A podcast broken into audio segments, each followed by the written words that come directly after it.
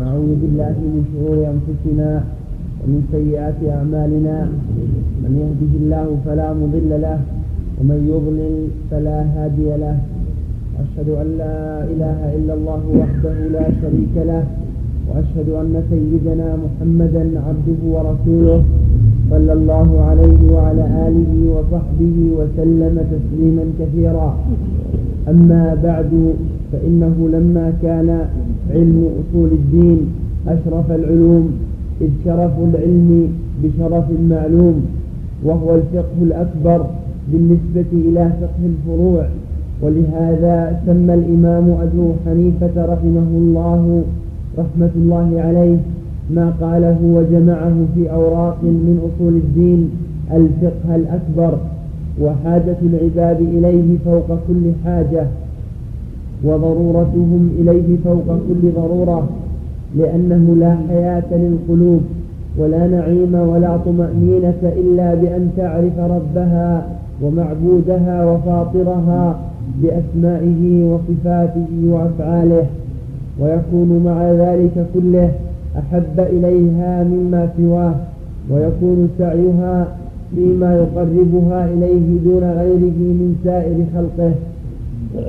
ومن المحال أن تستقل العقول بمعرفة ذلك وإدراكه على التفصيل فاقتضت رحمة العزيز الرحيم أن بعث الرسل أن بعث الرسل به معرفين وإليه داعين.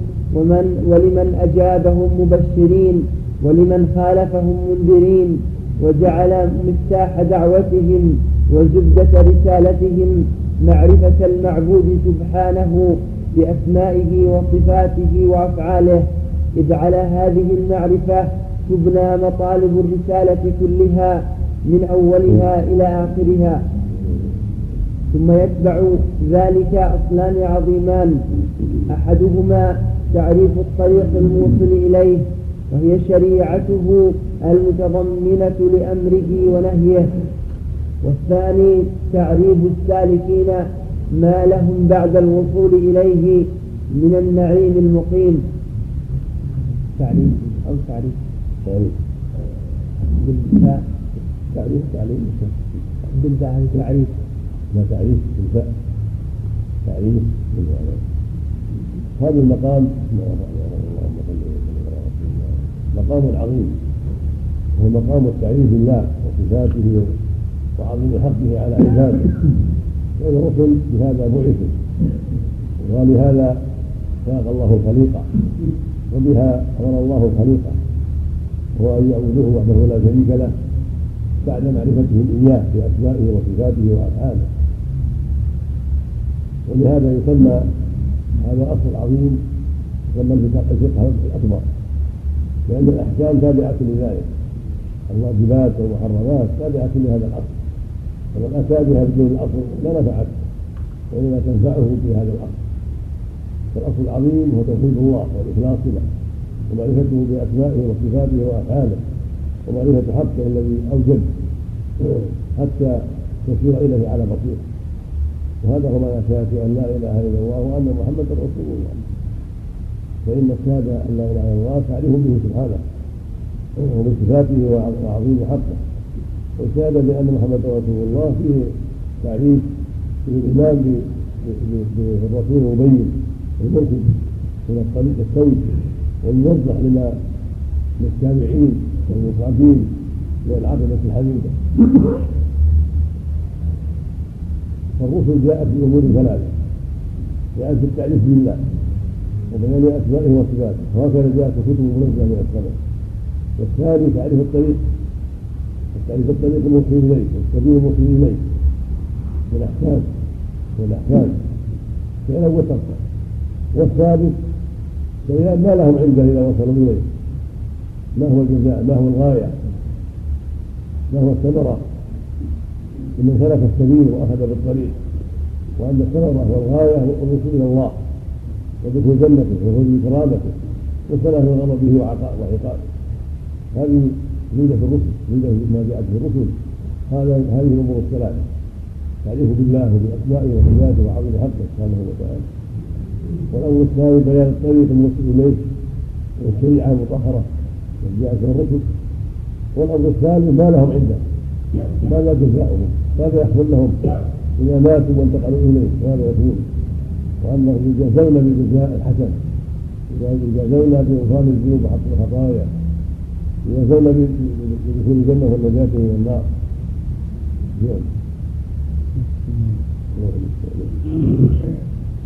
فأعرف الناس بالله عز وجل أتبعهم للطريق الموصل إليه وأعرفهم بحال السالكين عند القدوم إلى عليه. ولهذا سمى الله ما أنزله على على رسوله روحا لتوقف الحياة الحقيقية عليه ونورا لتوقف الهداية عليه.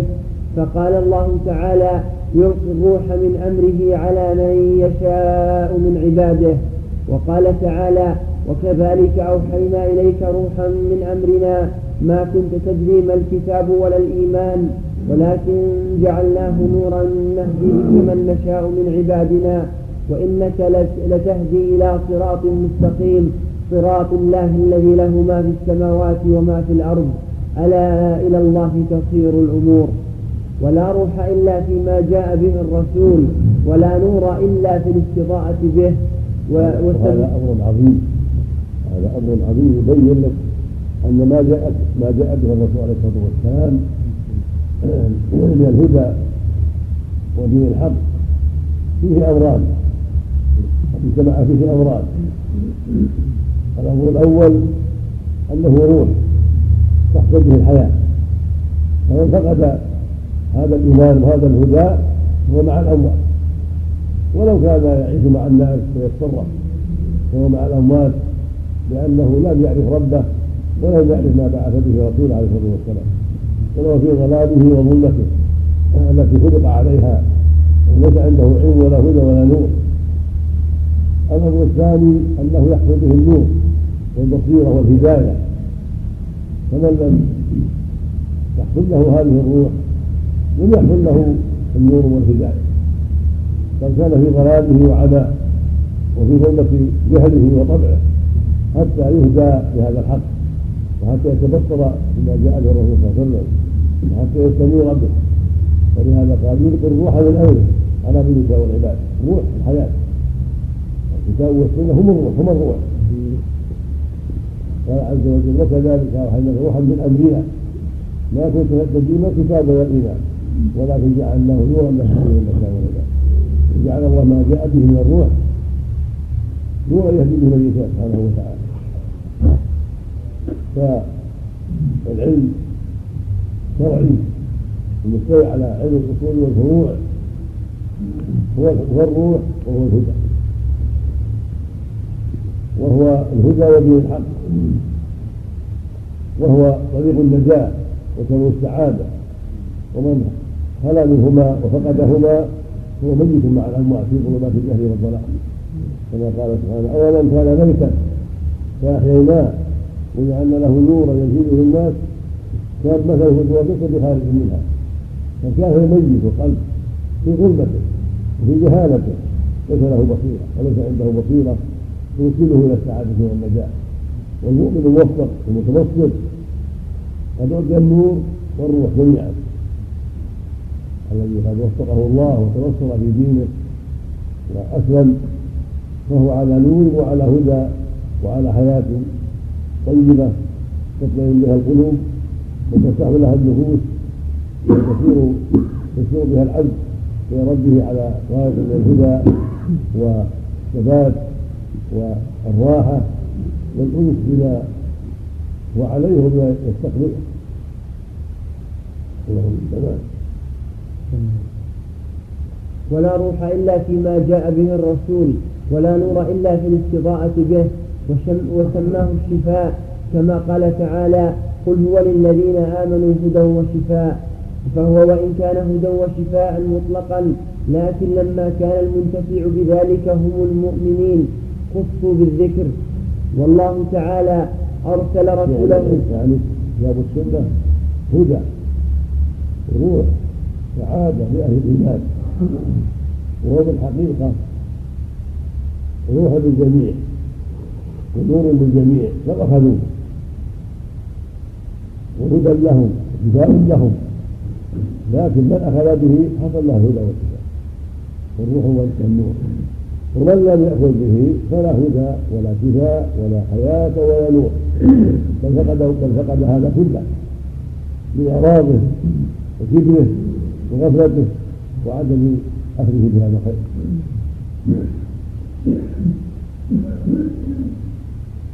ولهذا قال تعالى قل هو للذين آمنوا هدى وشفاء. قل هدى وشفاء ولغيرهم لو أخذوا. فهدى وشفاء لجميع أهل الأرض. جميع العرب والعجم والجن والانس هدى هو هدى وشفاء. لكن لما كان أهل الإيمان هم الذين اخذوا به واستضاءوا به وانتفعوا به صار كانه خاص بهم. وإنه ليس خاصا بهم. كل من أسلم ودخل في الدين دخل معه فهو نور للجميع وهدى للجميع. هو الذي اتى رسوله بالهدى ودين الحق. وهو مرسل للجميع بالهدى ودين الحق. فالهدى هو العلم والبصيرة والعلم وما جاء به من الأخبار الصادقة. ودين الحق ما جاء به الشرائع. المستقيمه والأحكام العادلة. نعم.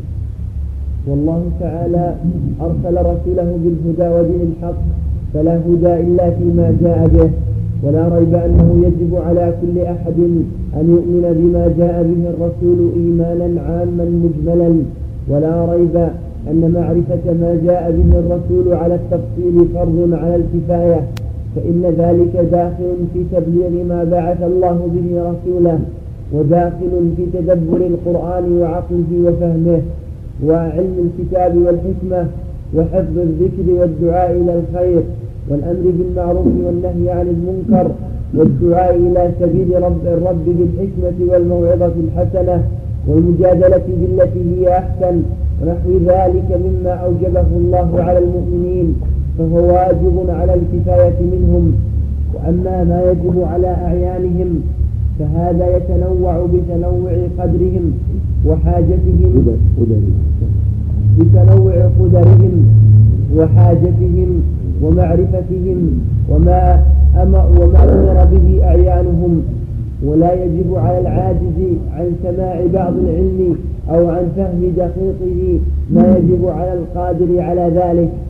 ويجب على من سمع النصوص وفهمها من علم التفصيل ما لا يجب على من لم يسمعها ويجب على المفتي والمحدث والحاكم ما لا يجب على من ليس كذلك. وينبغي أن يعرف أن عامة من ضل في هذا الباب أو عجز فيه عن معرفة الحق فإنما هو لتفريطه في اتباع ما جاء به الرسول وترك النظر وال... فإنما هو لتفريطه في اتباع ما جاء به الرسول وترك النظر والاستدلال الموصل إلى معرفته. فلما أعرضوا عن كتاب الله ضلوا. كما قال تعالى فإما يأتينكم مني هدى فمن اتبع هداي فلا يضل ولا يشقى. ومن أعرض عن ذكري فإن له معيشة ضنكا. ونحشره يوم القيامة أعمى. قال رب لم حشرتني أعمى وقد كنت بصيرا؟ قال كذلك أتتك آياتنا فنسيتها وكذلك اليوم تنسى. قال ابن عباس رضي الله عنهما تكفل الله لمن قرأ القرآن وعمل به فيه أن لا يضل في الدنيا ولا يشقى في الآخرة. ثم قرأ هذه الآيات وكما في الحديث الذي رواه الترمذي وغيره عن علي رضي الله عنه. قال قال رسول الله صلى الله عليه وسلم إنها ستكون فتن. قلت فما المخرج منها يا رسول الله؟ قال كتاب الله. فيه نبأ ما قبلكم وخبر ما بعدكم وحكم ما بينكم. هو الفصل ليس بالهزل. من تركه من جبار قصمه الله.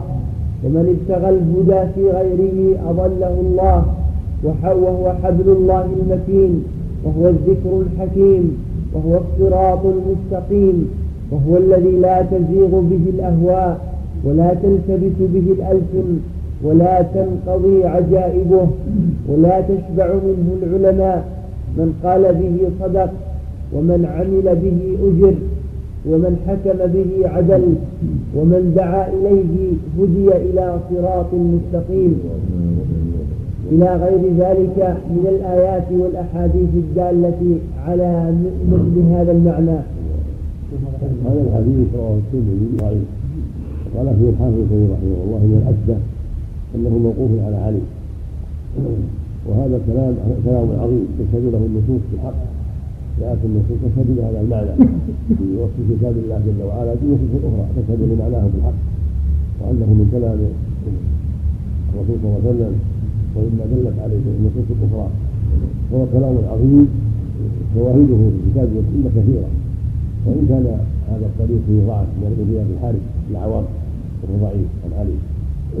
ولكن كما قال حافظ الاشبه أنه من كلام علي هذا هو من الادله الاخرى والنصوص الاخرى التي تشهد له بالصحه نعم.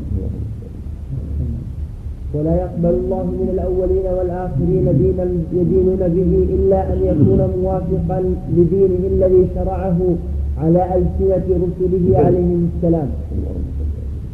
وقد نزه الله تعالى نفسه عما يصفه العباد إلا ما وصفه به المرسلون.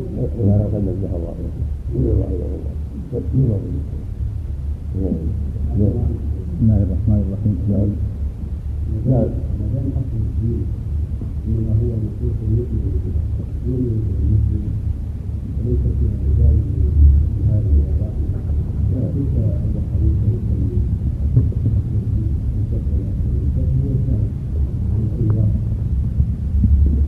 مقصود الفقه هنا الفقه يعني الفقه يطلق على الاجتهاد واستفاده من العلوم والأصول. واستفقه يعني تعلم واستفاد فقه هذا في فهمه نعم ويراد الفقه معناه الأحكام الشرعية. نعم ونفسها معرفه الأحكام الشرعية نفسها نعم المراد اذا أنها الفقه الاكبر معرفه أصل الدين وأساس المله نعم فإن يعرف توحيد الله وأسماء الله وصفاته والإمام هذا هو الفقه الأكبر هو الأحكام الكبرى الأساس المتين ثم بعد تكون الفروع الأخرى وعلى الصراط في احكام الصلاه والزكاه والصيام والحج والطلاق والنساء والصدقات والجنايات واشياء منها التابعه من ثانية الحمد لله رب العالمين صلى الله وسلم على نبينا محمد وعلى اله وصحبه اجمعين قال المؤلف رحمه الله تعالى وقد نزه الله تعالى نفسه عما يصفه العباد إلا ما وصفه به المرسلون بقوله سبحانه سبحان ربك رب العزة عما يصفون والسلام على المرسلين والحمد لله رب العالمين. فتنزه نفسه سبحانه عما يصفه به الكافرون ثم سلم على المرسلين لسلامة ما وصفوه به من النقائص والعيوب ثم حمد نفسه على تفرده بالأوصاف التي يستحق عليها كمال الحمد ومضى على ما كان عليه الرسول صلى الله عليه وسلم خير القرون وهم الصحابة والتابعون لهم بإحسان. سبق كلام المؤلف أن الله بعث الرسل وأنزل الكتب بثلاثه أمور بأمور ثلاث الأمر الأول التعريف بنفسه والدلالة على أنه سبحانه هو المسمى بالأسماء الحسنى والصفات العلى وأنه مستحق أن يعبد دون كل ما سواه وأن المعبودات من سواه باطلة. هذا الأمر الأول يبين أسماءه وصفاته حتى يعرفه العباد ويعبدوه على بصيرة. ويبين حقه لهم وأنه مستحق أن يعبد جل وعلا دون كل ما سواه. وفي هذا الباب وفي هذا المعنى نزل قوله تعالى الله الذي خلق سبع سماوات ومن الأرض مثلهن وتنزل الأمر بينهن لتعلموا أن الله على كل شيء قدير وأن الله قد أحاط بكل شيء علما وله سبحانه ولله الأسماء الحسنى فادعوه بها الآية وما جاء في هذا المعنى من آيات الصفات. والأمر الثاني بيان الطريق الذي يجب على عباده يسلكوه ويصر عليه ويلزموه. حتى يصل إلى ربه جل وعلا. وهذا هو الصراط المستقيم. وهو الشرائع التي بعث الله بها الرسل. هي الطريق.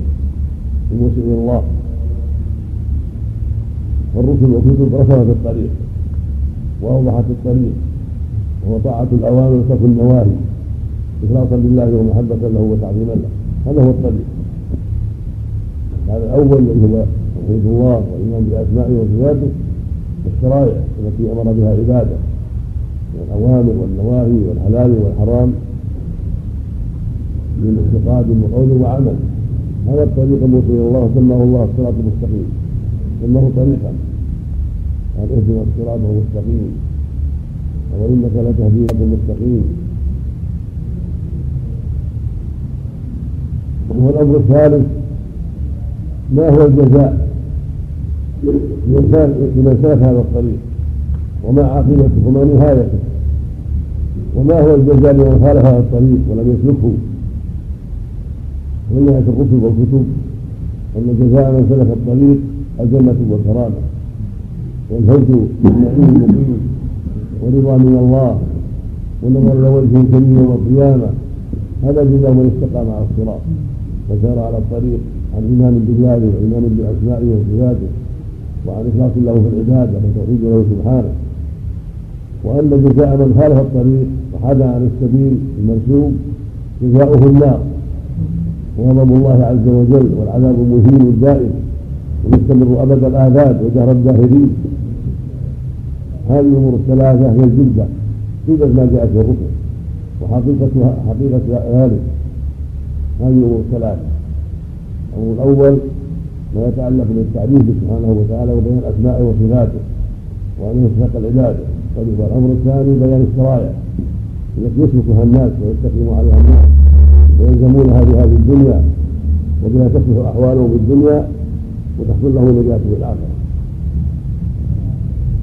كل رسول على حسب ما جاء به الصالح. والأمر الثالث جزاء هؤلاء السالكين بالصراط وجزاء من خالف الصراط. جزاء من استقام على طاعة الله ولزم الطريق استقام على السبيل وجزاء من حاد عن ذلك واستكبر عن ذلك وأعرض عن ذلك. فيدخل في الأول فيما يتعلق بالتوحيد وأسماء الله وصفاته.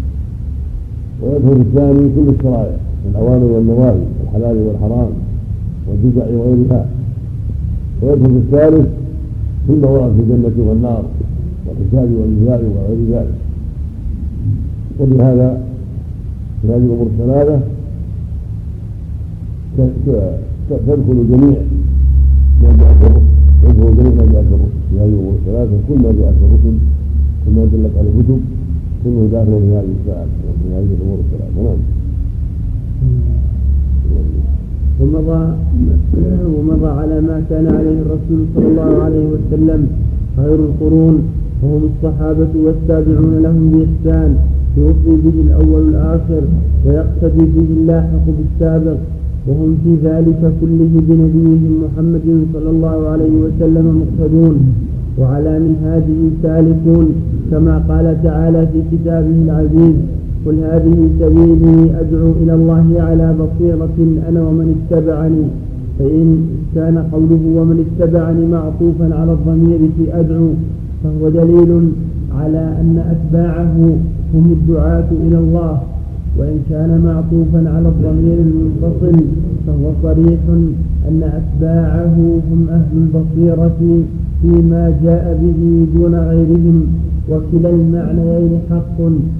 وقد بلغ الرسول صلى الله عليه وسلم البلاغ المبين وأوضح الحجة للمستبصرين وسلك سبيله خير القرون.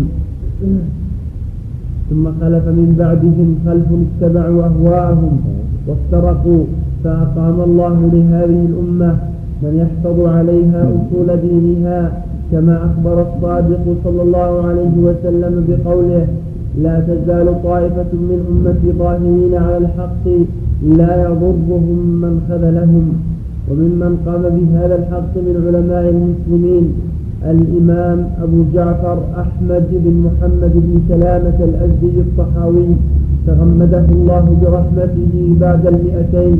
فإن مولده سنة تسع وثلاثين ومئتين ووفاته سنة إحدى وعشرين وثلاثمائة فأخبر رحمه الله عما كان عليه السلف ونقل عن الإمام أبي حنيفة النعمان بن ثابت الكوفي وصاحبيه أبي يوسف يعقوب بن إبراهيم الحميري الأنصاري ومحمد بن الحسن الشيباني رضي الله عنهم ما كانوا يعتقدون من أصول الدين ويدينون به رب العالمين.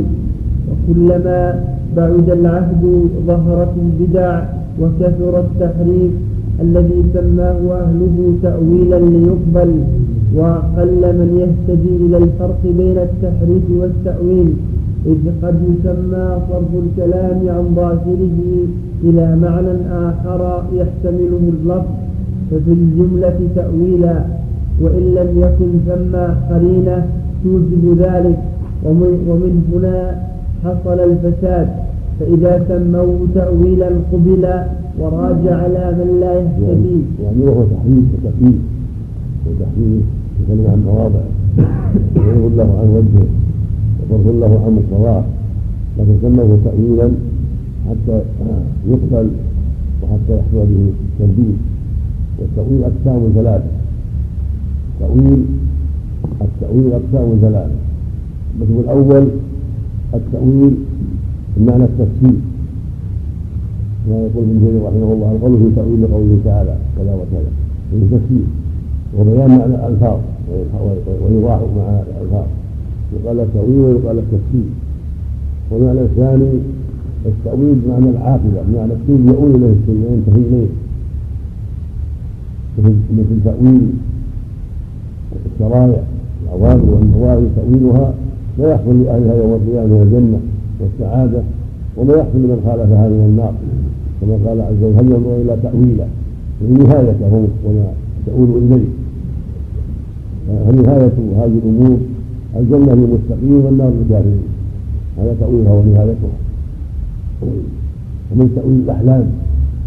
وما تأويله الأحلام وما تنتهي إليه عاقبتها. والتأويل الثالث هو تأويل الذي يستعمله المتبعة من صفات الصفات. ثم تحريفهم وصفهم كلام الظاهر تأويلا. فالتأويل المبتدع الجديد وصرف الألفاظ عن ظاهرها والأدلة عن ظاهرها. فإن معاني أخرى توافق ما أرادوا من التحريف وتوافق ما أرادوا من الباطل فيسمونها تأويلا ومن تأويلا للتنجيل ولمشوه على الناس ويلبسوا به الأمر. وليس في الحقيقة تأويل ولكنه تحريف. ولا يجوز هذا التأويل الثالث إلا بدليل يعني الكلام الظاهر إلا بدليل يدل على ذلك. جاء دليل من الكتاب والسنة التي صرف ذلك النص عن ظاهره حتى يوافق أدلة أخرى صحيحة عن الله وعن رسوله. فهذا تفسير وتأويل بمعنى بمعنى صحيح حتى لا يحصل خلاف النفوس والتضاد الأدلة رحمه الله.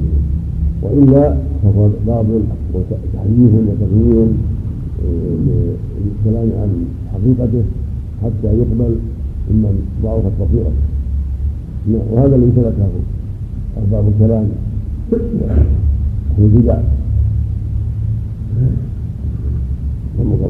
نعم احتاج المؤمنون بعد ذلك إلى إيضاح الأدلة ودفع الشبه الواردة عليها وكثر الكلام والشغب وسبب ذلك إصغاهم إلى شبه المبطلين وخوضهم في الكلام المذموم الذي عابه السلف ونهوا عن النظر فيه والاشتغال به والإصغاء إليه امتثالا لأمر ربهم حيث قال وإذا رأيت الذين يخوضون في آياتنا فأعرض عنهم حتى يخوضوا في حديث غيره فإن معنى الآية يشملهم. يشملهم. فإن معنى الآية يشملهم. وكل من التحريف والانحراف على مراتب فقد يكون كفرا وقد يكون فسقا وقد يكون معصية وقد يكون خطأ فالواجب اتباع المرسلين واتباع ما أنزله الله عليهم. قد ختمهم الله بمحمد صلى الله عليه وسلم فجعله آخر الأنبياء. وقد ختمهم الله بمحمد صلى الله عليه وسلم فجعله آخر الأنبياء. وجعل كتابه مهيمنا على ما بين يديه من كتب السماء. وأنزل عليه الكتاب والحكمة. وجعل دعوته عامة لجميع الثقلين الجن والإنس باقية إلى يوم القيامة وانقطعت به حجة العباد على الله قد بين الله به كل شيء وأكمل له ولأمته الدين خبرا وأمرا وجعل طاعته طاعة له ومعصيته معصية له وأقسم بنفسه أنهم لا يؤمنون حتى يحكموه فيما شجر بينهم. وأخبر أن المنافقين يريدون أن يتحاكموا إلى غيره وأنهم إذا دعوا إلى الله والرسول وهو الدعاء إلى كتاب الله وسنة رسوله صدوا حدودا صدوا حدودا وأنهم يزعمون أنهم إنما أرادوا إحسانا وتوفيقا. كما يقوله كثير من المتكلفة من المتكلمة والمتفلسفة وغيرهم. إنما نريد أن نحسن الأشياء بحقيقتها أي ندركها ونعرفها. أن نحسن الأشياء بحقيقتها أي ندركها ونعرفها. ويريد التوفيق بين الدلائل التي يسمونها العقليات وهي في الحقيقة جهليات. وبين الدلائل النقلية المنقولة عن الرسول أو نريد التوفيق بين الشريعة والفلسفة وكما يقوله كثير من المبتدعة من المتنفسة والمتصوفة إنما نريد الأعمال بالعمل الحسن والتو... إنما نريد الأعمال بالعمل الحسن والتوفيق. والتوفيق بين الشريعة وبين ما يدعونه من الباطل الذي يسمونه حقائق وهي جهل وضلال. وكما يقول كثير من المتكلمة والمتأثرة إنما نريد الإحسان بالسياسة الحسنة والتوفيق بينها وبين الشريعة ونحو ذلك. فكل من طلب أن يحكم في شيء من أمر الدين. المتكلمة المتأثرة نعم. متأثرة نعم من المتملكة والمتأثرة المتملكة والمتأثرة وغالب الكلام هذا كله موجود في كلام غيره رحمه الله تعالى المؤلف من كلام ابن كثير نقل كثيرا من كلام ابن قيم في هذا الكتاب نعم. ما هذا هذا هو ما هذا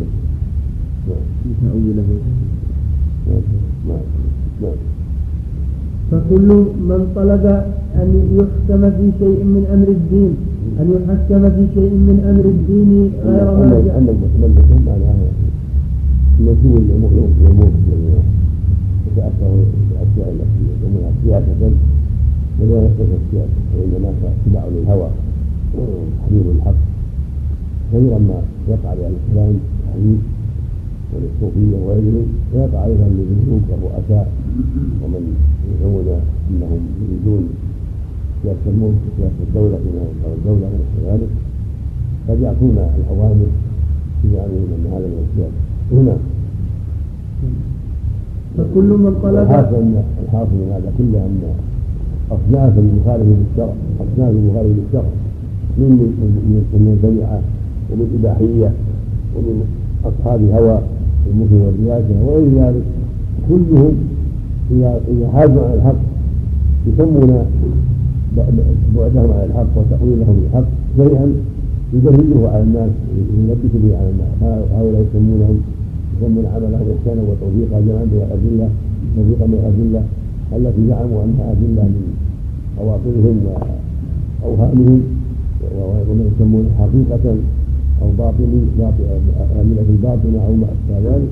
وبينما هو الظاهر الشرع فالصوفية لهم بحث والمبتدعة من الجهمية والمعتزلة والأشعرية والفلاسفة وغيرهم لهم بحث وتأويل. والذين يعصون الرسول صلى الله عليه وسلم ويخالفون الأوامر من الملوك والرؤساء لتحقيق مآربهم قد يخطئون في هذا عمدا وقد يخطئون جهلا وقد يتأول لهم غيرهم ويزعمون انهم من ارادوا احسانا وتوفيقا إلى غير ذلك. هذه أشياء واقعية من دهر طويل من عهد الصحابة إلى يومنا هذا. ولكن الصراط المستقيم والحق الواضح المبين هو لزوم الطريق السوي الذي وصفه الله لعباده وجعله اليه هو الاخذ بالأوامر على ظاهرها. وترك النواهي على ظاهرها ويوقف عند الحدود على ظاهرها وترك التأويل التجديد الذي لا وجه له ولا دليل عليه. نعم. فكل من طلب أن يحكم في شيء من أمر الدين غير ما جاء به الرسول أظن أن ذلك حسن وأن ذلك جمع بين ما جاء به الرسول وبين ما يخالفه فله نصيب من ذلك بل ما جاء به الرسول كاف شامل. يدخل فيه كل حق وإنما وقع التقصير من كثير من المنتسبين إليه فلم يعلم ما جاء به الرسول في كثير من الأمور الكلامية الاعتقادية ولا في كثير من الأحوال العبادية ولا في كثير من الإمارة السياسية أو نسبوا إلى شريعة الرسول. ولا في كثير من الإمارة السياسية أو نسبوا إلى شريعة الرسول بظنهم وتقليدهم ما ليس منها وأخرجوا عنها كثيرا مما هو منها. فبسبب جهل هؤلاء وضلالهم وتفريطهم وبسبب عدوان أولئك وجهلهم ونفاقهم كثر النفاق ودرس كثير من علم الرسالة. بل إنما يكون البحث التام والنظر القوي والاجتهاد الكامل فيما جاء به الرسول صلى الله عليه وسلم ليعلم ويعتقد ويعمل به ظاهرا وباطنا فيكون قد تلي حق حق تلاوته وأن لا يهمل منه شيء. وإن كان العبد عاجزا عن معرفة بعض ذلك أو العمل به فلا ينهى عما عجز عنه مما جاء به الرسول بل حسبه أن يسقط أن يسقط عنه اللوم لعجزه. لكن عليه أن يفرح بقيام غيره به ويرضى بذلك ويود أن يكون قائما به وأن لا يؤمن ببعضه ويترك بعضه بل يؤمن بالكتاب كله وأن يصان يعني إذا عجز عن الله الحق بحصول علمه أو بمكامله أو كذلك أو نحو ذلك مما قد يسأل عن الحق فالواجب عليه أن يفرح بما أظهر الحق ونصر الحق وبينه وتفرغ لذلك. ولا يحمله الحسد والبغي على معاداة ذلك أو تفسير ذلك أو تجهيله أو ما أشبه ذلك. ظلما وعدوانا. وهكذا هو بغيا المؤمن إما أن ينصر الحق بنفسه ويقوم بما يجب وإما أن يساعد من قام بذلك ويفرح بمن قام بذلك ويكون عونا له على الخير. ولا يكون ضدا لذلك جهلا وحسدا وبغيا ونحو ذلك. أو لئلا يقال إن غيره أظهر الحق وعلم ما لم يعلمه هذا الشخص. أو ما اشبه ذلك المؤمنون فيما بينهم يتعاونون ويتناصرون في اتباع الحق. ويفرح كل واحد بما يقوم به اخوه الحق وتأييد الحق وإظهاره في بلده أو في ناحيته أو في قبيلته أو في أي مكان كان. وينبغي له أن يشجعه على ذلك بالمكاتبة والكلام ونحو ذلك ثم يعين وينشط على إظهار الحق والدعوة إليه وإيضاح الباطل والتحذير منه.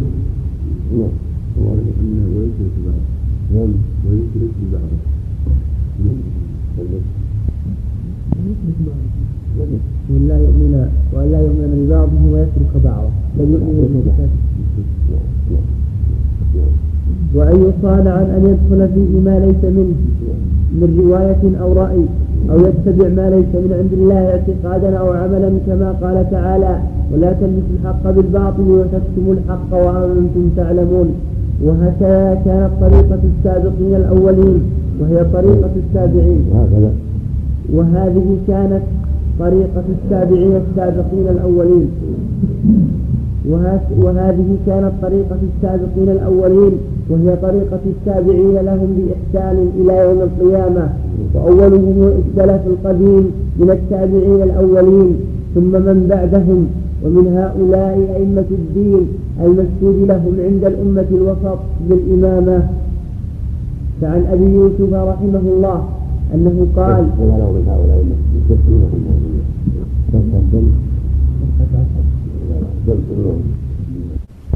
الحمد لله رب العالمين صلى الله وسلم على نبينا محمد وعلى آله وصحبه أجمعين. قال المؤلف رحمه الله تعالى قوله نقول في توحيد الله معتقدين بتوفيق الله أن الله واحد لا شريك له. اعلم أن التوحيد أول دعوة الرسل وأول منازل الطريق وأول مقام يقوم فيه السالك إلى الله عز وجل. قال تعالى لقد أرسلنا نوحا إلى قومه فقال يا قوم اعبدوا الله ما لكم من إله غيره وقال هود عليه السلام لقومه اعبدوا الله ما لكم من إله غيره. قال صالح عليه السلام لقومه اعبدوا الله ما لكم من إله غيره. وقال شعيب عليه السلام لقوم اعبدوا الله ما لكم من إله غيره. وقال تعالى ولقد بعثنا في كل أمة رسولا أن اعبدوا الله واجتنبوا الطاغوت. وقال تعالى وما أرسلنا من قبلك من رسول إلا نوحي إليه أنه لا إله إلا أنا فاعبدون. وقال صلى الله عليه وسلم أمرت أن أقاتل الناس حتى يشهدوا أن لا إله إلا الله وأن محمدا رسول الله. ولهذا كان الصحيح أن أول واجب يجب على المكلف شهادة أن لا إله إلا الله. لا النظر ولا القصد إلى النظر ولا الشك كما هي أقوال لأرباب الكلام المذموم.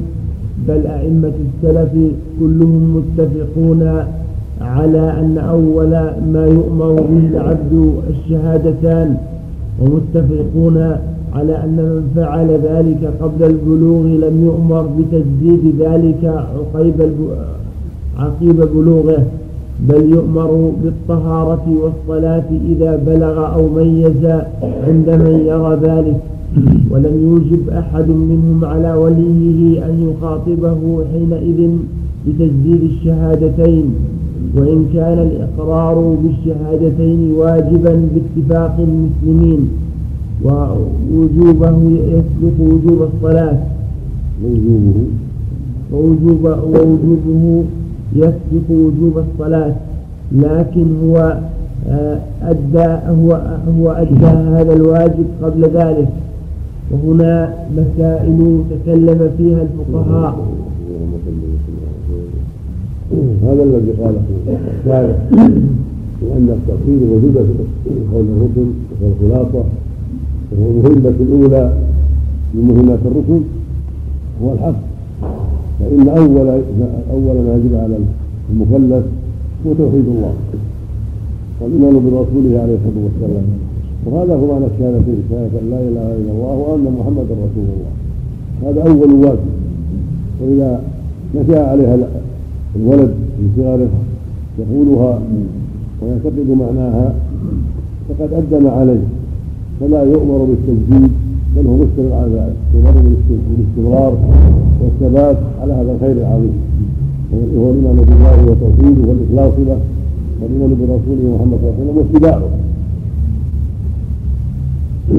ومن قال من هذا الكلام إن الواجب النظر في الموجودات والمخلوقات والاستجابه بالعقل أو قال الواجب القصد للنظر قبل كل شيء قبل أن يقول أشهد أن لا إله إلا اخره أو قال الواجب الشك يشك في كل شيء. ثم بعد ذلك ينظر في التوحيد وفي حق الله كل هذه أقوال فاسدة كل أقوال باطلة انما هو مامور جدارا و يعني بغاية المبادرة وبغاية الفوريه أن يشهد أن يشهد أن لا إله إلا الله وأن محمدا رسول الله. وهذا أثر بذلك فهم مامورون يعني المكلفين مامورون بان يشهدوا أن لا إله إلا الله وأن محمدا رسول الله إزارا ويتفقهوا في معناهما ويعلموا معناهما هذا هو الواجب قبل كل شيء. ثم الصلاة والزكاة والصيام والحج فروع الشريعة. هذا هو الذي جاءت به الرسل عليه الصلاة والسلام كما سمعت في الآيات كل نبي يقول لقومه اعبدوا الله ما لكم من إله أول شيء. ونبينا خاتم النبيين والمرسل إلى جميع الناس عليه الصلاة والسلام بدأ قومه بقوله قولوا لا إله إلا الله تفلحوا هكذا بدأهم. ما قال لهم انظروا في هذا وانظروا في هذا أو اكتبوا إلى النظر في هذا أو آه، كونوا شاكين في كل شيء. ثم بعد هذا انظروا. كل هذا أشياء لا أساس لها وخلق على أهل الكلام. من ممن قبلهم من الفلاسفة وأرباب الكلام الباطل وأرباب الفطر المنحرفة والعقول الفاسدة فظنوها ثوابا. والله جل وعلا انما خاطبنا أول شيء بالأمر بالتوحيد. واعبدوا الله ما لكم من إله ولقد بعثنا في كل أمة رسولا أن اعبدوا الله واجتنبوا الطاغوت. وما أرسلنا من قبلك من رسول لا نوحي اليه أنه لا إله إلا أنا فاعبدون وما خلقت الجن والانس إلا يعبدون. يا ايها الناس اعبدوا ربكم قال ربك إلا تعبدوا إلا إياه. ولا مع الله الها آخر. فتكونوا مخلولا إلى غير ذلك. فالواجب هذا على جميع المكلفين. من جن وإنس. وعرب وعجم. وذكور وإناث. قال الواجب عليه قبل كل شيء. وأول شيء أن يخصوا الله بالعبادة ويؤمنوا به. وأنه ربهم وإلههم. وهذا يتضمن النظر. والتفكير في هذه المعاني لا يبدأ بها بل يبدأ بتوحيد الله ويبادر إلى عباده وحده دون كل ما سواه. وينظر بعد ذلك في هذه المعاني ويدرس هذه المعاني وينظر فيها حتى يكون ايمانه على بصيرة. نعم الله. نعم. وهنا مسائل تكلم فيها الفقهاء كمن صلى ولم يتكلم بالشهادتين. أو أتى بغير ذلك من خصائص الإسلام ولم يتكلم بهما هل يصير مسلما أم لا. والصحيح أنه يصير مسلما بكل ما هو من خصائص الإسلام. فالتوحيد أول أول ما يدخل به في الإسلام وآخر ما يخرج به من الدنيا كما قال النبي صلى الله عليه وسلم من كان آخر كلامه لا إله إلا الله دخل الجنة. وهو أول واجب وآخر واجب. كما قال عليه وسلم حديث حسن أو صحيح. رواه الحاكم وغيره. آه، يعني هنا الشك في التصحيح أو التحسين هل يعني لا لأن يسمى الضبط هو كله ما ذلك كاملا فهو صحيح.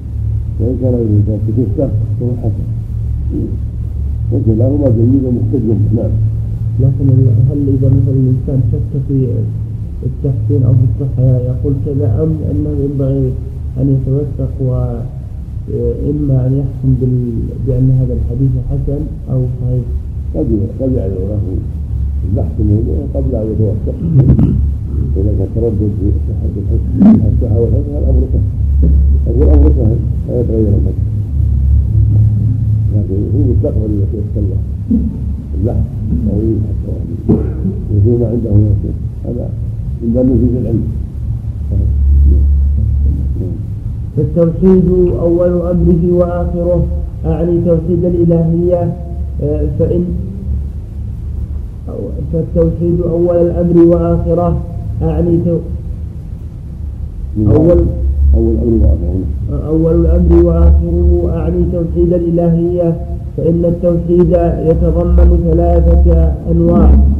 أحدها الكلام في الصفات والثاني توحيد الربوبية وبيان أن الله وحده خالق كل شيء والثالث توحيد الإلهية وهو استحقاقه سبحانه وتعالى أن يعبد وحده لا شريك له. أما الأول الأقسام أفيدت بالاستقراء والنظر في الأدلة.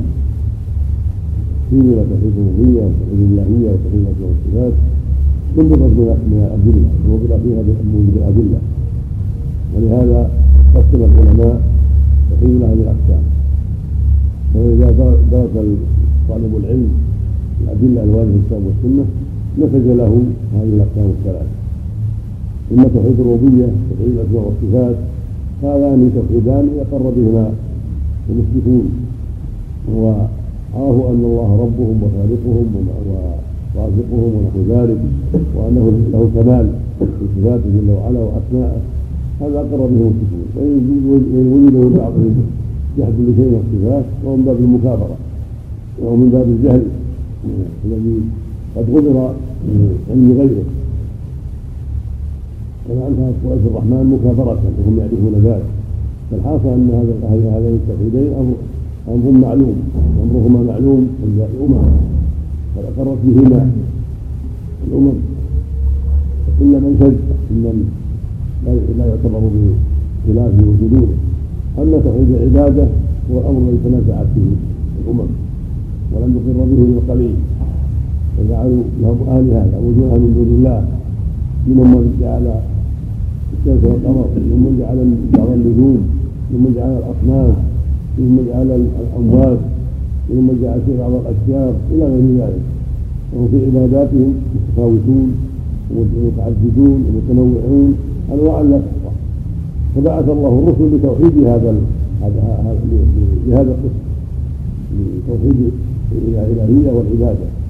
وأمر الناس بأن يعبدوا الله وحده كما أنه خالقهم وربهم يجب أن يكون معبودهم أن يكون هو معبودهم سبحانه وتعالى.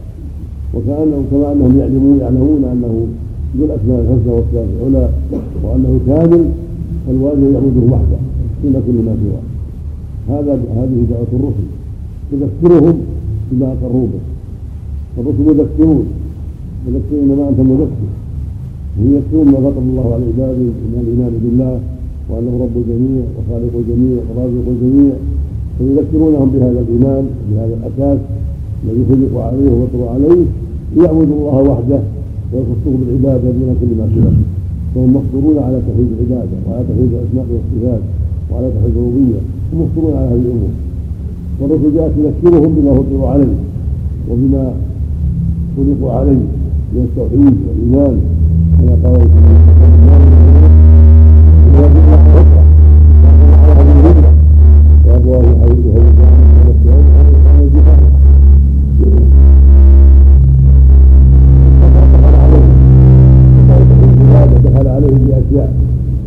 لهم هذا ربكم وهذا عظيم وهو بالأسماء والصفات.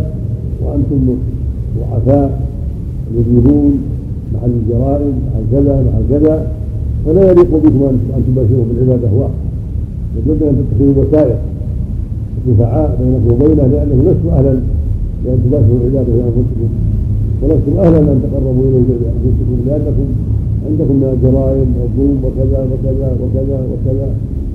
فيلبس عليهم هذه الأمور لأن هذا من باب التادب من باب تنقص النفس حتى لا نتوجه إلى الله بانفسنا بل نتوجه الأموات أو الاشجار أو الأحجار أو الكواكب أو الاصنام بواسطه بيننا وبين ربنا.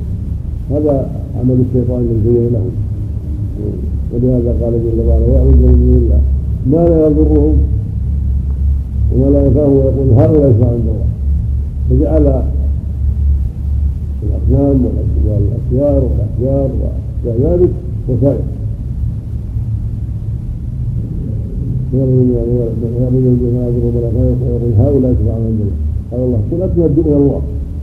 الملائكة سبحانه وتعالى عما فهو سبحانه وتعالى أنه لا يعلم شيء السماء والارض شريكا لله عز وجل. فشيء لا يعلمه الله لا وجود له. وهكذا قوله سبحانه وتعالى ومن اتخذ من اولياء ما نعبدهم إلا ليقربونا اليه يعني يقولون ما نعبدهم إلا ليقربونا وهم يزعمون انهم عبدوا هذه الاشياء للتقريب والشفاعة لا لأنها تخلق أو ترزق أو تجدد أو تصرف الكون لا. يعلمون هذا لله وحده. ولكنهم عبدوها لأنها تشفع لأنها تقربهم إلى الله زلفى فزعموا أنهم ناقصون وأنهم مذنبون وانهم ضعفاء وانهم مذنبون. وأنهم يحتاجون إلى أن يوفقوا هذه الوسائل من الاصنام وغيرها فأبطل الله ذلك عليهم وقال قل إلى الله. اذكروا الله. بما لا يعلم سبحانه وتعالى عما يشركون. ولا قال جل وعلا إن الله يحكم بينهم فيما هم يختلفون. إن الله لا يهدي من هو كاذب كفار فجعلهم كذبة كفر في هذه الدعوة. كما في قوله يقترن الزلفى وان نشفع وكفر بهذا العمل وبهذا الإجراء وبهذا الاعتقاد فبهذا يعلم انه كما أنه ربنا خالقنا ومالكنا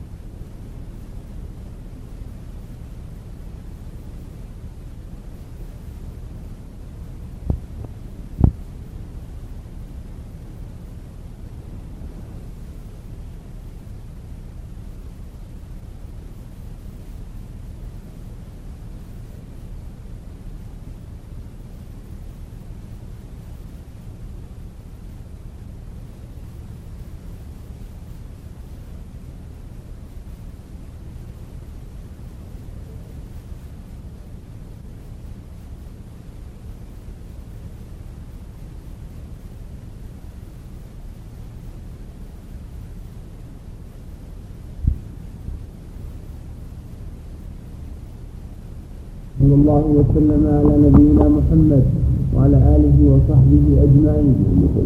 قال المؤلف رحمه الله تعالى ومن هؤلاء أئمة الدين المشهود لهم عند الأمة أما الأول فإن نفاة الصفات أدخلوا نفي الصفات في مسمى التوحيد كجهم بن صفوان ومن وافقه فإنهم قالوا إثبات الصفات يستلزم تعدد الواجب وهذا القول معلوم الفساد بالضرورة فإن إثبات ذات مجردة عن جميع الصفات لا يتصور لها وجود في الخارج وإنما الذهن قد يفرض المحال ويتخيله وهذا غاية التعطيل وهذا القول قد أفضى بقوم إلى القول بالحلول والاتحاد وهو أقبح من كفر النصارى فإن النصارى خصوه بالمسيح وهؤلاء عموا جميع المخلوقات. ومن فروع هذا التوحيد أن فرعون وقومه كامل الإيمان عارفون بالله على الحقيقة. ومن فروعه أن عباد الأصنام على الحق والصواب وأنهم إنما عبدوا الله لا غيره. ومن فروعه أنه لا فرق في التحريم والتحليل بين الأم والأخت والأجنبية ولا فرق بين الماء والخمر. والزنا والنكاح والكل من عين واحدة لا بل هو العين الواحدة. ومن فروعه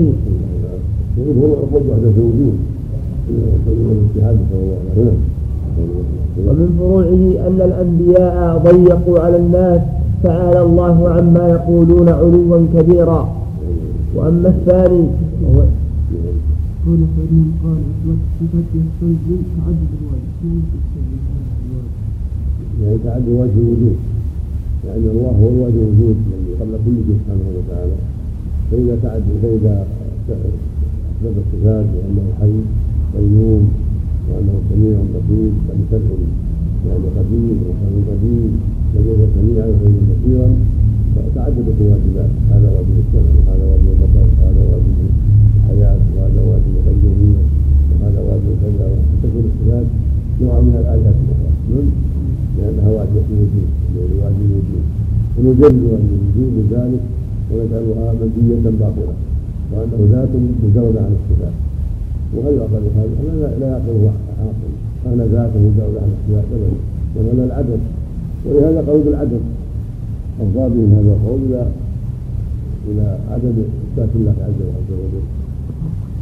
وقالوا جميعا حتى قالوا أورثهم لا داخل العالم ولا خارجه ولا مبينه ولا محايده ولا فوقه ولا تحته ولا عن يمينه ولا عن شماله إلى غير ذلك هذا لو لو أن لو أن أحدا أراد أن يعرف العدم ما استطاع يكون باكثر من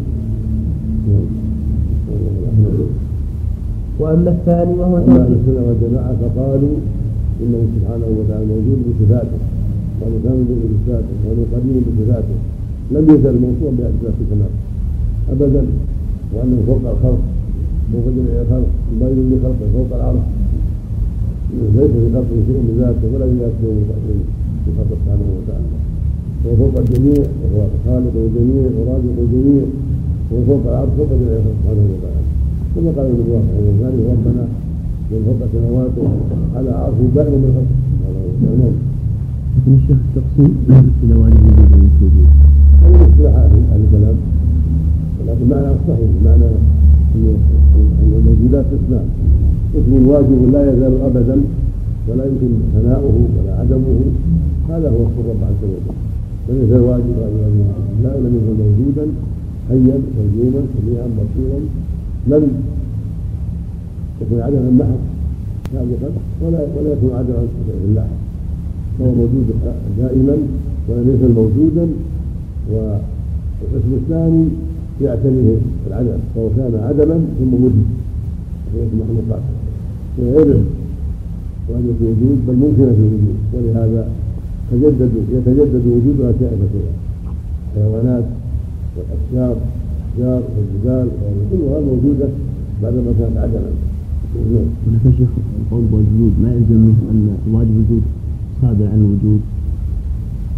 لا معنى أن وجوده واجب لم يزل قال الوجود.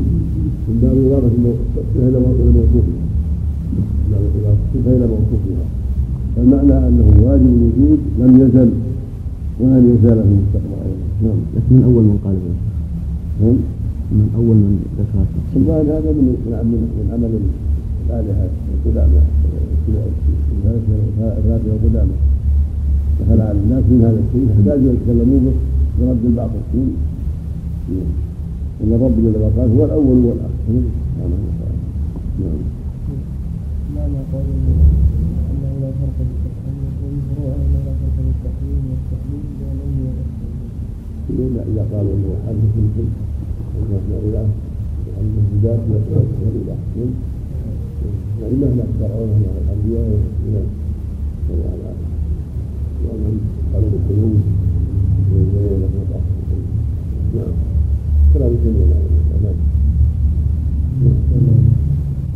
وأما الثاني وهو توحيد الربوبية كالإقرار بأنه خالق كل شيء وأنه ليس للعالم صانعان متكافئان وأنه ليس للعالم صانعان متكافئان في الصفات والأفعال.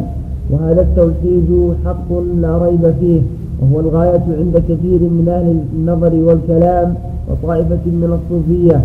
وهذا التوحيد لم يذهب إلى نقيضه طائفة معروفة من بني آدم بل القلوب مفطورة على الإقرار به أعظم من كونها مفطورة على الإقرار بغيره من الموجودات كما قالت الرسل فيما حكى الله عنهم قالت رسلهم أفي الله شك فاطر السماوات والأرض وأشهر من عرف آه، تجاهله وتظاهره بإنكار الصانع بإنكار الصانع فرعون وقد كان مستيقنا به في الباطن كما قال له موسى لقد علمت ما أنزل هؤلاء إلا رب السماوات والأرض بصائر وقال تعالى عنه وعن قومه وجحدوا بها واستيقنتها أنفسهم ظلما وعلوا ولهذا لما قال وما رب العالمين على وجه الإنكار له تجاهل العارف على وجه الإنكار على وجه الإنكار له تجاهل العارف. قال له موسى رب السماوات والأرض وما بينهما إن كنتم موقنين. قال لمن حوله ألا تستمعون؟ قال ربكم ورب ورب آبائكم ورب آبائكم الأولين. قال إن رسولكم الذي أرسل إليكم لمجنون. قال رب المشرق والمغرب وما بينهما إن كنتم تعقلون. قد زعم طائفة أن فرعون سأل موسى مستفهما عن الماهية وأن المسؤول عنه لما لم تكن له ماهية عجز موسى عن الجواب وهذا غلط وإنما هذا استفهام إنكار وجهل كما دل سائر آيات القرآن على أن فرعون كان جاحدا لله نافيا له لم يكن مثبتا له طالبا للعلم بماهيته. فلهذا بين له ولهذا قال أنا ربكم الاعلى ينكر من وجود الله سبحانه وتعالى. قال ما علمت لكم من إله غيري؟ ويعلم في الباطل أنه أنه كاذب. وان رب ان رب العالمين هو الله سبحانه وتعالى. ولكن وجد همجا رعاعا لا بصيرة لهم فكذب عليهم وقال هذا الكلام. وهكذا يخشى عن النموذج من فعل ذلك أيضا. نعم. فلهذا بين لهم موسى أنه, أنه معروف وأن آياته ودلائل ربوبيته أظهر وأشهر من أن يسأل عنها بما هو بل هو سبحانه أعرف وأظهر وأبين من أن يجهل بل معرفته مستقرة في الفطر أعظم من معرفة كل معروف. ولم يعرف عن أحد من الطوائف أنه قال إن العالم إن العالم له صانعان متماثلان في الصفات والأفعال فإن الثانوية من المجوس والمانوية القائلين بالأصلين النور والظلمة وأن العالم صدر عنهما متفقون على أن النور خير من الظلمة وهو الإله المحمود وأن الظلمة شريرة مذمومة وهم متنازعون في الظلمة هل هي قديمة أو محدثة؟ فلم يثبتوا ربين متماثلين. أما النصارى وكلامه كلام من لا يعقل. كلامه كلام من لا يعقل. كلام كلام المجوس كلام من لا يعقل. فإن النور والظلم هو الصادق. وليس إلهان. ليس إلهين ولا ذاتين وإنما النور والظلم هو الصادق. كل واحد يأتي عن غيره وينبع من غيره. النور يأتي من أسباب النور والنور تأتي من أسباب الظلمة وهو عدم النور. فليس أصلين وليس ذاتين وإنما وإنما يكونان أوصافا. فمن جهلهم وضلالهم قولهم إن أصل الأشياء نور وظلمة وأن النور هو الإله المحمود والظلمة إله الشر. هذا كلام فاسد وصدر من عقول فاسدة. ولهذا فطر الله العباد على الإيمان بوجود الله. وأن هذا العالم له رب وله صالح وله خالق وله مدبر يصرف في شؤونه هكذا فطر الله العالم على ذلك. والغلوب على هذا الشيء سبحانه وتعالى.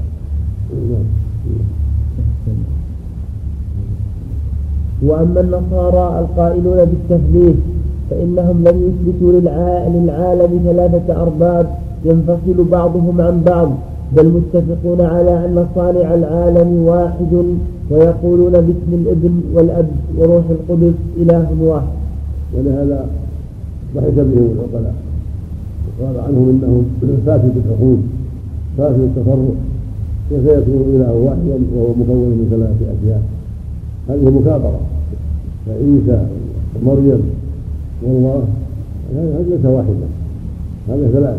ولهذا صار صار دين النصارى الذي احدثوه افسد الاديان من افسد الأديان ومن ابينها بطلانا ولهذا كل عاقل يرضى بعقله ونفسه عن هذا الدين ويعلم أنه دين فاسد باطل ولكن يحمله على البقاء عليه إما طلب الرياسة وإما خوف القتل وإما أموال ياخذها وإما أشياء أخرى حملت على البقاء عليه. وإنه كل عاقل يعلم فساد هذا الشيء.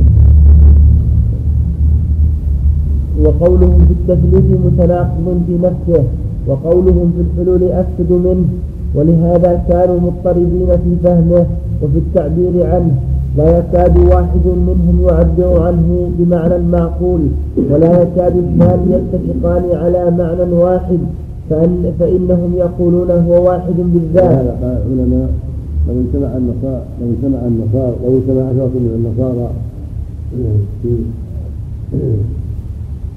درس إلههم يتفرقوا على أحد عشر قولا يعني أن المبالغة في اختلافهم أنهم قد ينقسمون إلى أقوال أكثر من عدد الموجودين من باب المبالغة في اختلافهم. وممن لخص هذا وبين باطلهم أبو العباس بن تيمية رحمه الله في كتاب الجواب الصحيح لمن بدا به المسيح كذلك ابن تيميه رحمه الله في بدايه الحياة وبدايه اليهود والنصارى كذلك ملخص.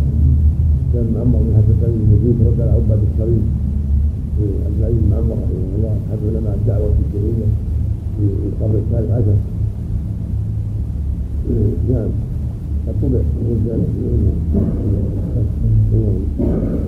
فإنهم يقولون هو واحد بالذات ثلاثة بالأقنوم والأقانيم يفسرونها تارة بالخواص وتارة بالصفات وتارة بالأشخاص وقد فطر الله العباد على فساد هذه الأقوال بعد التصور التام وبالجملة فهم لا يقولون بإثبات خالقين متماثلين والمقصود هنا أنه ليس في الطوائف من يثبت للعالم للعالم صانعين متماثلين. الله الخواص المقصود بالخواص. قال وقد والأقانيم يفسرونها تارة بالخواص وتارة بالصفات وتارة بالأشخاص. لا تفسر بكل واحد من الأقانيم. هذا خلاف هذا خاصة كذا وهذا خاصة كذا يعني قد خاصة كذا مريم خاصتها كذا وعيسى خاصته كذا مما يفتحون في كتب الناس نعم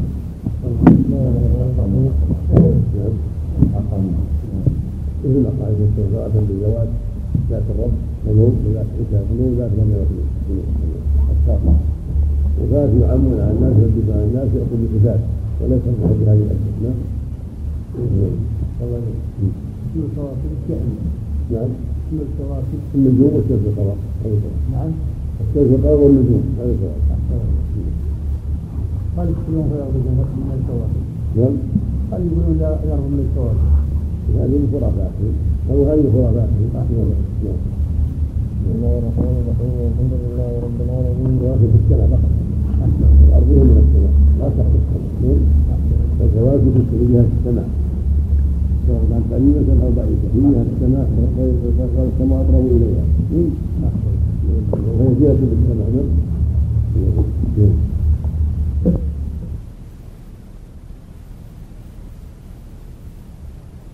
رب العالمين وصلى الله وسلم على نبينا محمد وعلى اله وصحبه اجمعين قال المؤلف رحمه الله تعالى والمقصود هنا انه ليس في الطوائف من يثبت للعالم صانعين متماثلين مع ان كثيرا من أهل الكلام والنظر والفلسفه تعبوا في اثبات هذا وتقريره ومنهم من اعترف بالعجز عن تقدير هذا بالعقل وزعم أنه يتلقى من السمع والمشهور عند أهل النظر إثباته بدليل التمانع وهو أنه لو كان للعالم صانعان فعند اختلافهما مثل أن يريد أحدهما تحريك جسم وآخر تسكينه أو يريد أحدهما إحياءه والآخر إماتته فإما أن يحصل مراد مرادهما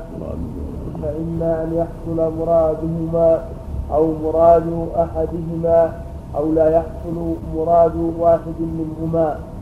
والأول ممتنع لأنه يستلزم الجمع بين الضدين والثالث ممتنع لأنه يلزم خلو الجسم عن الحركة والسكون.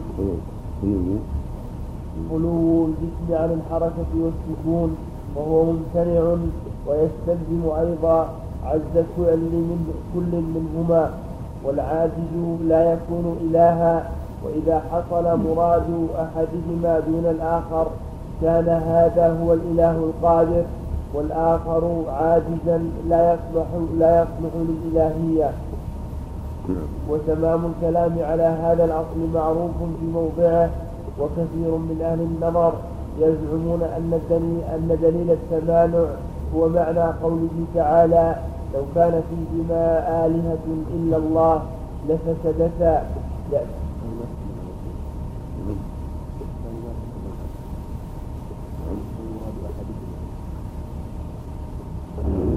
والمراد واحد من الآخر صار هو الإله من الآخر تكلم كان الأول والثاني. كان الأول الذي الثاني. ماذا كان الثاني؟ ما إما أن يحصل مرادهما أو لا يحصل مرادهما وهذا كلاهما مستحيل. فبقي الثالث وهو حصول أحدهما دون الآخر. وهذا هو الإله كلف عليه من الكلام. نعم. ولاعتقادهم أن توحيد الربوبية الذي قرروه هو توحيد, هو توحيد الإلهية الذي بينه القرآن ودعت إليه الرسل عليهم السلام. وليس الأمر كذلك بل التوحيد الذي دعت إليه الرسل ونزلت فيه الكتب هو توحيد هو توحيد الإلهية المتضمن توحيد الربوبية وهو عبادة الله وحده لا شريك له. فإن المشركين من العرب كانوا يقرون بتوحيد الربوبية وأن خالق السماوات والأرض واحد كما أخبر تعالى عنهم بقوله ولئن سألتهم من خلق السماوات والأرض ليقولن الله. قل لمن الأرض ومن فيها إن كنتم تعلمون؟ سيقولون لله قل أفلا تذكرون. ومثل هذا كثير في القرآن. ولم يكونوا يعتقدون في الأصنام أنها مشاركة لله في خلق العالم بل كان حالهم فيها كحال أمثالهم من مشرك من مشرك الأمم من الهند والترك والبربر وغيرهم. وتارة يعتقدون أن هذه تماثيل قوم صالحين من الأنبياء والصالحين ويتخذونهم شفعاء. ويتوسلون بهم إلى الله. وهذا كان أصل شرك العرب. قال تعالى حكاية عن قوم نوح وقالوا لا تذرن آلهتكم ولا تذرن ودا ولا سواع ولا يغوث ويعوق ونسرا. وقد ثبت في صحيح البخاري وكتب التفسير وقصص الأنبياء وغيرها عن ابن عباس رضي الله عنهما وغيره من السلف. أن هذه أسماء قوم صالحين في قوم نوح فلما ماتوا عكفوا على قبورهم ثم صوروا تماثيلهم ثم طال عليهم الأمد فعبدوهم. وأن هذه الأصنام بعينها صارت إلى قبائل العرب.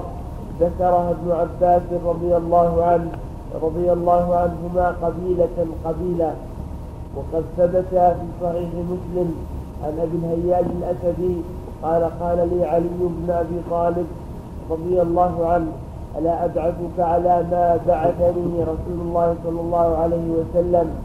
أمرني أن لا أدع ألا أبعثك ألا أبعثك على ما بعثني. عليه صلى على ما بعثني عليه عليه رسول الله صلى الله عليه وسلم. أمرني أن لا أدع قبرا مشرفا إلا سويته إلا سويته ولا تمثالا إلا طمسته. وفي الصحيحين عن النبي صلى الله عليه وسلم أنه قال في مرض موته لعن الله اليهود والنصارى اتخذوا قبور أنبيائهم مساجد. هذه الأصنام والأوثان التي درجت عليها الأمم كلها أخذوها بالتقليد. الأعمى وعدم النظر فيما جاءت به الرسل. كما قال الله عنهم إنا وجدنا آباءنا على أمة وإنا على آثارهم مقتدون. فتأسى آخرهم بأولهم في عبادتها من دون الله على أنها شفعاء على أنها وسائط لا أنها تخلق وترزق وتدبر أمر من دعاها فإنه لا يعتقدون هذا. بل يعلمون أن الله سبحانه هو الخالق الرازق يدبر الأمور ينزل الأمطار. المحيي المميت إلى غير ذلك. ولكنهم زعموا أن هذه الأصنام والأوثان تشفع لهم عند الله وتقربهم لديه. ما نعبدهم إلا إلى الله زلفى. فاستوى هذا عند أولهم وآخرهم وتبع آخرهم في ذلك أولا.